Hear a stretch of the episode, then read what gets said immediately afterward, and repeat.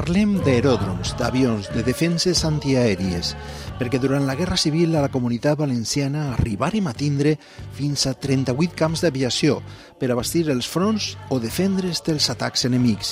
Instal·lacions acompanyades de llocs de comandament i guàrdia, refugis i polvorins. És una prova de la importància que la República va donar a l'aviació. Fins i tot a les comarques del sud d'Alacant hi hagué fàbriques d'avions que si hagueren funcionat bé segons alguns historiadors, podrien haver canviat el resultat de la guerra.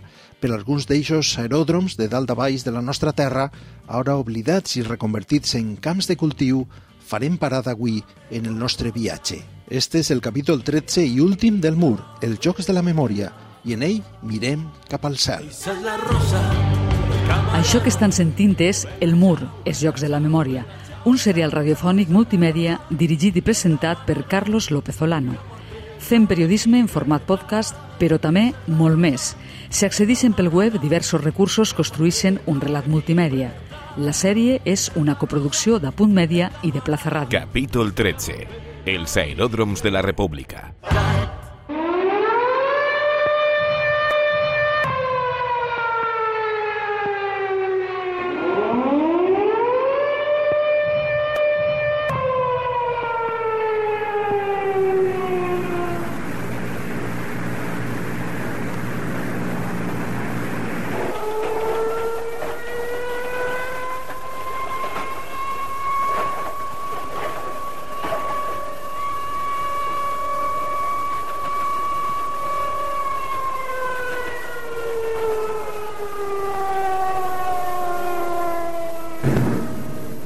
Així és com sonava una sirena i un bombardeig real de la Guerra Civil Espanyola. De fet, este àudio es va gravar durant un bombardeig al barri del Cabanyal de València. Els sons i els sorolls són molt importants quan parlem d'avions i un dels sons més temibles de l'aviació és el que feia el caça bombarder Stuka, que la Legió Còndor dels nazis va estrenar i provar sobre els nostres pobles i ciutats.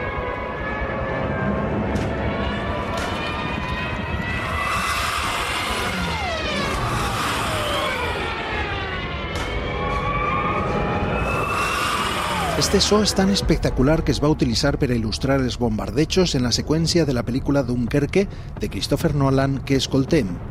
A més, este soroll tan peculiar dels estuques d'avió en caiguda lliure era potenciat per una sirena que el pilot podia activar i que, sens dubte, provocava el pànic en els que la sentien.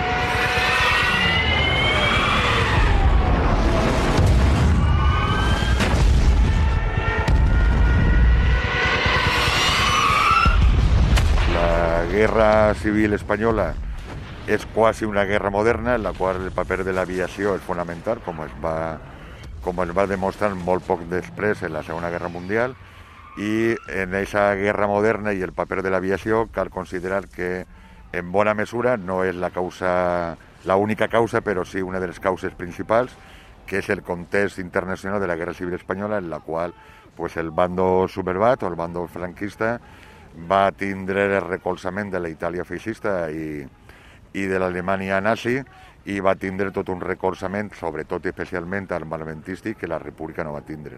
En, des d'aquest punt de vista, en bona mesura, tota la, tot el recolzament als franquistes és la causa per la qual va guanyar la guerra i per la qual la República va perdre la guerra.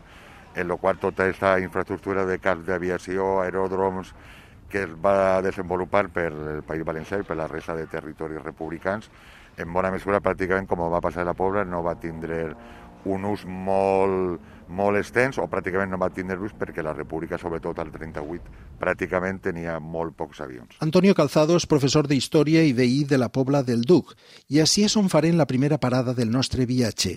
Ell ens acompanya a visitar el que queda de l'aeròdrom del seu poble. De la pista pràcticament res. Ara són camps cultivats, que ningú reconeixeria si no fora pels plans militars de l'època que en deixen constància. Però, en canvi, queden en peu les instal·lacions annexes, que havien de servir per allotjar els pilots. I el camp d'aviació no va albergar eh, cap avió durant la guerra.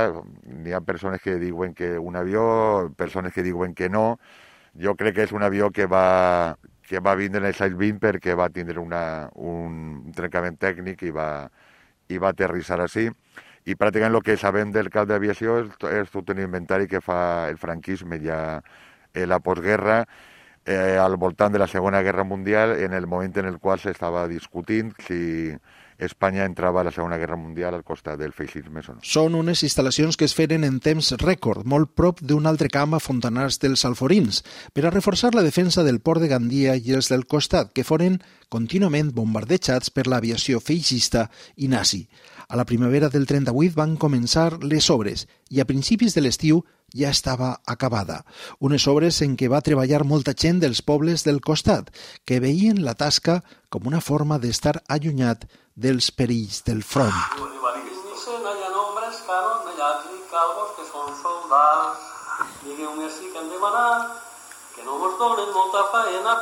La lletra d'esta cançó parla dels treballs en el pla de Micena, on està ubicat l'aeròdrom, i la gravació ens la facilita el mateix professor Calzado.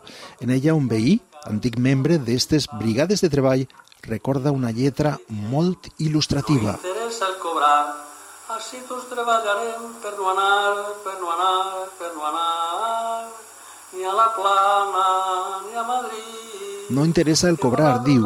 Així tots treballarem per no anar ni a la plana ni a Madrid. I vosaltres la guerra no hem de prendre-la és tanta sí, i anar a dormir a casa el nostre dona i en el bon llit. I entre les construccions annexes el que mai podien faltar eren els refugis, que servien per a protegir-se en cas de bombardeig. A la Pobla del Duc els han restaurat amb cura, han recuperat la llum elèctrica i fins i tot fan visites en què recreen com es vivia un bombardeig dins d'estes coves artificials. Antonio Calzado ens acompanya i ens conta els detalls. I este és molt més gran que l'anterior perquè s'ha preparat per a quasi 70 persones perquè són els serveis auxiliars i l'esquadrilla d'aviadors. I és pensem que té una extensió molt més considerable. Aquestes obertures poden ser per a poden ser simplement eh, per a les vigues de la construcció o per a tindre una làmpara de carburo per si s'anava la llum o per a tindre llibres o un botiquí molt més.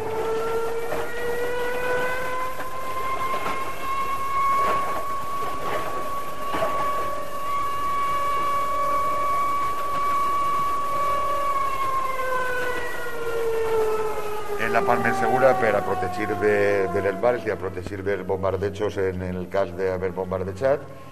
Pràcticament és un metre quadrat per persona i això estava preparat per a ser bombardejat a final de març del 39, segons un informe d'un espia franquista, però se va enganyar de la localització i va ficar aquest refugi en el centre de la Pobla. Tot i l'espia enganyat, finalment els de la Pobla del Duc pogueren evitar els bombardejos.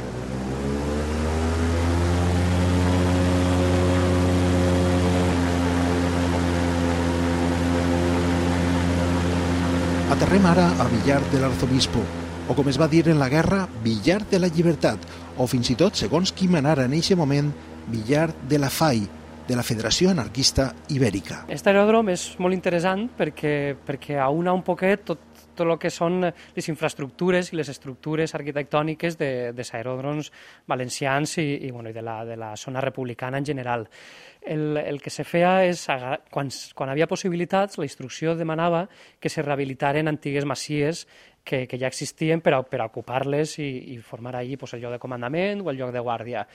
Aleshores, en Villar de l'Arzobispo, en aquest aeròdrom, precisament, és una casa rehabilitada, la Casica, que és una heretat de 1929, que se va ocupar per estar allí, aquí el, el, el lloc de comandament. Manuel Carreres és el creador del web Aeròdroms Valencians de la Guerra Civil, on ha recopilat el catàleg dels camps d'aviació que la República va construir en molt poc de temps, com instal·lacions bàsiques per a poder utilitzar els avions que havien de servir per a guanyar la guerra contra els sublevats. En la versió multimèdia d'este podcast poden accedir a aquest espai web amb mapes i fotografies antigues. Ahí trobem la xifra que destaquem en este capítol, 38 aeròdroms, repartits per tota la geografia de dalt a baix de la nostra comunitat. I la data? la de la guerra. Fins al final estigueren actives aquestes infraestructures aèries, preparades per a servir a uns avions que quasi sempre no arribaven. Al Villar tampoc s'aprecia pràcticament una pista que era de terra. En canvi, el refugi es conserva quasi impecable. Bé, els refugis, com, eh, com qualsevol refugi de les poblacions o de les escoles, servia per a donar això pluc a, a les persones que existien. En aquest cas, als militars ja sabiaos del, del camp d'aviació, de l'aeròdrom. Sempre solien situar-se en les vores perquè era on estaven situades pues, els jocs de comandament o, o, o els propis militars, els, els jocs de, de guaita i això. El, els refugis, igual que l'aeròdrom, devia construir-se, segons la instrucció, en, en, un, en un mes, entre un i tres mesos. Aleshores, el que es feia per a construir el refugi era acabar una, una sanja que ja anava formant tot el que era la, la, la planta del propi refugi, i després s'anaven lluint-se a poc a poc, bé directament en, en, en, en ladrillo, en pedra o en formigó existien aquestes tres tipologies. I després, donant l'altura, ja se cobria, també en diferents tipus de tipologies, o ben ladrillos o ben, o ben formigó. Sí que, ni que foren de ladrillos, en la, damunt dels ladrillos havia una capa bastant, més o menys oscil·lava entre 30 a 50 centímetres o inclús un metro en els refugis més grans, una capa de formigó que era el que servia per a, si havia una detonació d'una bomba, suportar el, suportar el pes i la gent que estiguera baix estiguera protegida.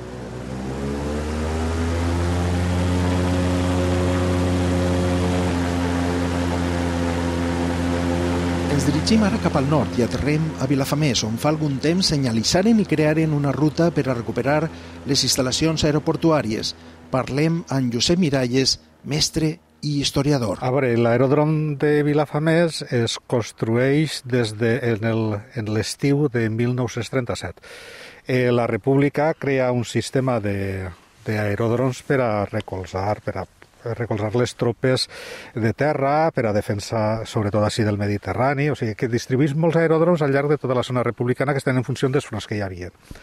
Què passa? A Castelló estava l'aeròdrom de Castelló, previ a la guerra i se n'adonen que és important fer un altre, un altre aeròdrom i eh, després de fer els estudis pertinents l'Estat Major de l'Aire decidís fer un aeròdrom a Vilafamés que el construís i estiu de, de l'any 37 i mm, entra, entra en funcionament eh, molt pronte.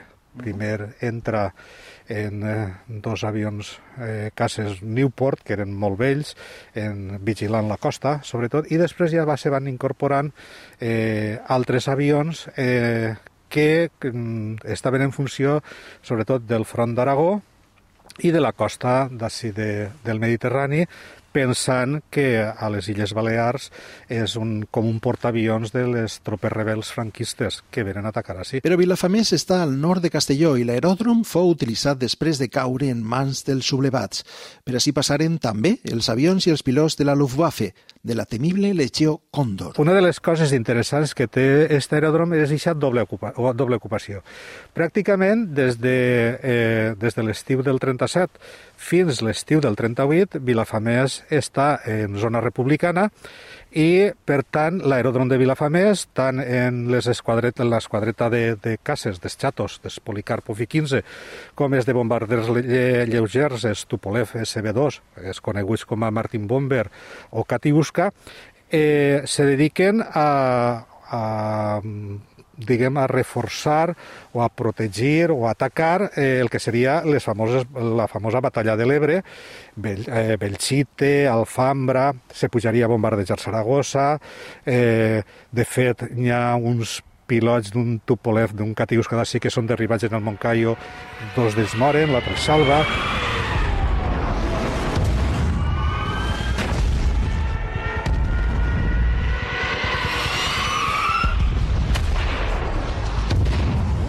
els dies previs a, a el 12 de juny, que és quan entren les tropes franquistes, ja veiem com els bombardejos sobre l'aeròdrom de Vilafamés i sobre Vilafamés augmenten, pels més, eh, sobretot pels Henkel 111 de la Legió Condor i pels Messeres Mitsen 9 que venen així, també algun Dornier, que bombardeja Vilafamés, Benicassi, totes les zones estes quan el front es retire i se fa la famosa línia defensiva XYZ, recordeu que els, allí se para el front quasi bé un any. I Vilafamés eh, és eh, l'aeròdrom de Vilafamés és, eh, és utilitzat per una esquadreta de Messerschmitt BF-109.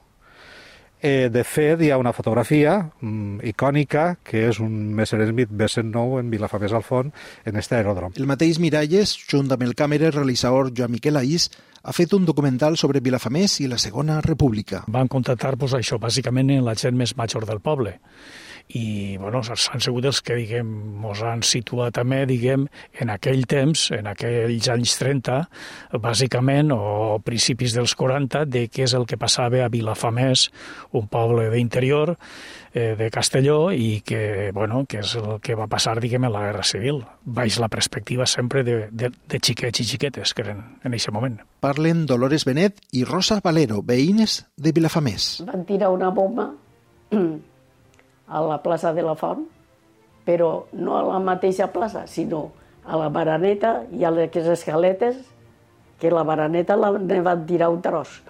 Van tirar una bomba que allò era, era, era fatal.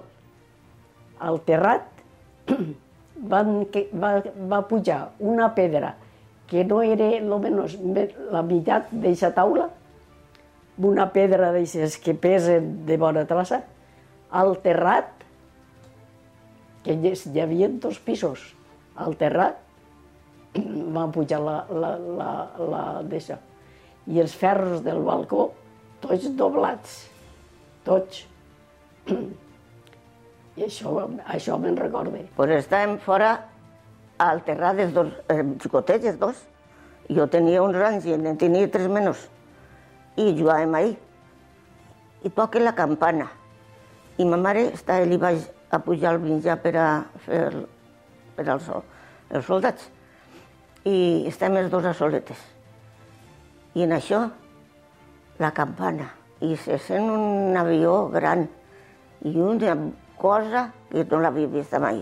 Grossa, llarga, que quasi mos passava pel cap. I una força i un ruïdo.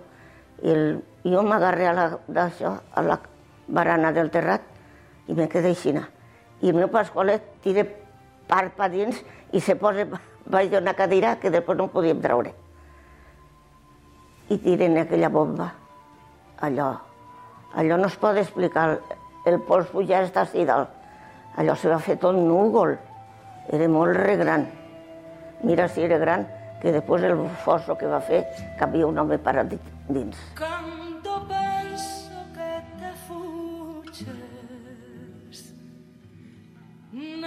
negra sombra que m'assombres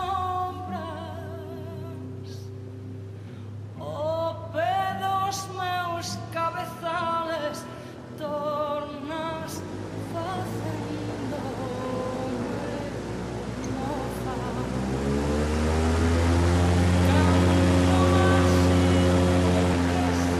Viatgem ara a l'altre extrem de la comunitat, cap a Onil, on parlem a peu d'aeròdrom amb Marcos Pardines, regidor de Memòria Històrica de l'Ajuntament. Eh, Onil durant la Guerra Civil eh, va ser un punt important junt a, a diversos més de la província d'Alacant. Eh, el 1937, la subdelegació de, militar d'aviació decidís traslladar de Madrid ja la guerra està avançant i decidís de Madrid diversificar la, el sistema d'aviació, les fàbriques, els aeròdroms i tal, per allò de que la guerra avança. Entonces decidís vindre-se'n a Alacant i és quan crea l'aeròdrom de Rabasa. Rabasa està exactament on és ara la Universitat d'Alacant, ahí està l'aeròdrom, crec que en cas conserva la torreta d'entonces, i la decidís enviar-la a Alacant. Eh, al mateix temps veuen que necessiten uns eh, aeròdroms provisionals, van visitant tot el que és la província, fins que recauen en Onil, en un de les localitzacions, i a la Marjal d'Onil, que és una gran planícia que tenim davant del poble, eh, col·loquen, eh, o sigui, apisonen la terra i munten el que és un aeròdrom, i fan un aeròdrom auxiliar del de Rabasa, juntament amb un altre a Aviar, un altre a Monover, més conegut, uns quants més. És per això que munten així el primer aeròdrom, de, un dels aeròdroms primers de la província d'Alacant. Però en esta zona del sud d'Alacant, la que més va aguantar en mans dels republicans, hi hagué més que aeròdroms. En su compte, Juan Arraez, que viu a Petrer, un expert en història militar i de l'aviació, amb una vintena de llibres escrits. Hablando ya aquí en lo que tenemos en la provincia de Alicante, que el 14 de agosto de 1936, eh, ante el avance lo que parecía imparable del Ejército Nacional hacia Madrid, el gobierno de la República ordenó el traslado a Alicante de las, de las fábricas de aviones y secundarias que se encontraban en su zona. Así, Construcciones Aeronáuticas fue a parar a Cataluña, mientras que a Alicante eh, llegaron la hispano-suiza de Guadalajara y AISA, los antiguos talleres Loring de, de Cuatro Vientos, que vinieron para acá. Estos llegaron no solo en trenes especiales, no solo con todo el material a medio de construir, con su maquinaria, con todos los repuestos, sino también con sus obreros y sus familias. Y fueron a parar a unos terrenos junto al antiguo campo del tiro nacional en la zona de la Rabasa Alicantina. Eixa fou l'estratègia aeronàutica militar de la República. Per una banda, construir una important infraestructura d'aeròdroms, que ja hem vist que ho aconseguiren. Per una altra, fabricar avions a Alacant. Al principio, eh, todo fue un verdadero desastre en la Rabasa, ya que ambas fábricas, al pasar a estar dirigidas por comités de obreros, fueron totalmente incapaces de, de hacer siquiera, o sea, de iniciar siquiera el montaje de los aviones que en piezas ya fabricadas habían traído de sus fábricas. Pues no se hacía el menor caso a los ingenieros aeronáuticos que teóricamente eran los que estaban a su frente. En abril del 37, a la vista de lo que estaba sucediendo, no hubo más remedio que nacionalizarlas. La ermita es una ermita de estilo barroco muy bonita y alrededor el que tenía era una alfarería en aquella época y dos fábricas de nines. Així van decidir crear, com he dit, la factoria d'avions. Van utilitzar tant la fàbrica, tant l'ermita com almacén, com les dues fàbriques de, de nines per al muntatge. Així es muntaven, eh, així es, es feia un poc l'acabat dels avions. Val? Eh, en altres zones importants on es creaven aquests avions era, per exemple, les coves de Canalobre. Des d'ací, des d'on estem, podem divisar on estava el camp d'aviació, perquè estem un poc més alts que el que era la marjal, el que era el camp d'aviació, un aterrant. Entonces tenien una visió des d'ací del que passava també al camp d'aviació. I un camí recte que arribava fins al mateix camp on estava el camp d'aviació, com ja he dit. Fins a 38 avions arribaren a eixir d'aquestes fàbriques, però sens dubte foren insuficients per a inclinar la balança cap als republicans. Cuando intentaron empezar una fabricación propia pues se había desechado la fabricación del hacker Spanish Fury, del que se habían importado cinco unidades de Inglaterra, y se decidió eh, realizar un contrato con la fábrica Fokker de Holanda para fabricar los bombarderos CX y D-21 de caza. Pero eh, hubo una cantidad de problemas tremendos eh, prácticamente eh, podría afirmar que fue todo debido a un sabotaje de los propios ingenieros. Ja vaig en infiltrada eh, a, a les, dins de lo que és el taller de professionals, de mecànic, de fet el governador també en nomena algun, eh, que no van deixar tampoc, que, és que eren molts més avions des que deurien haver eixit al moment. Uh -huh. Curiosament, mai vam ser bombardejats. O'Neill no va ser mai bombardejat, ni amb, cau ens diu d'una manera per què no, creiem que realment seria tal, tal volta per això, perquè a l'haver així eh, quinta columna no era interessant tampoc carregar-se als propis que tenien seus. Entonces... Todos los hombres y mujeres en huesos se han convertido. Todos los hombres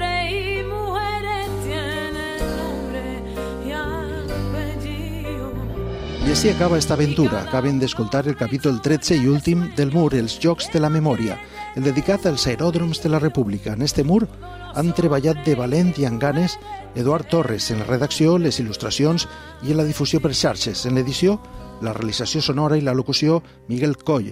En la imatge i el disseny visual, Sergio Formoso. I en la locució, Lola Bañón. Qui vos parla, Carlos López Olano, s'ha encarregat de la coordinació de la sèrie, dels guions i de la presentació.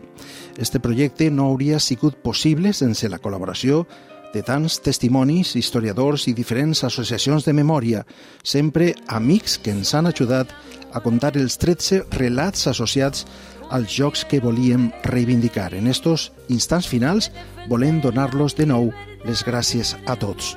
També per descomptat a vosaltres, que heu escoltat i recordat en cada viatge que proposàvem les històries oblidades. Ja sabeu, això és un podcast multimèdia. El podeu escoltar i també veure i experimentar el material extra pel web i sempre que vos parega bé, difondre'l per les xarxes socials. Y cada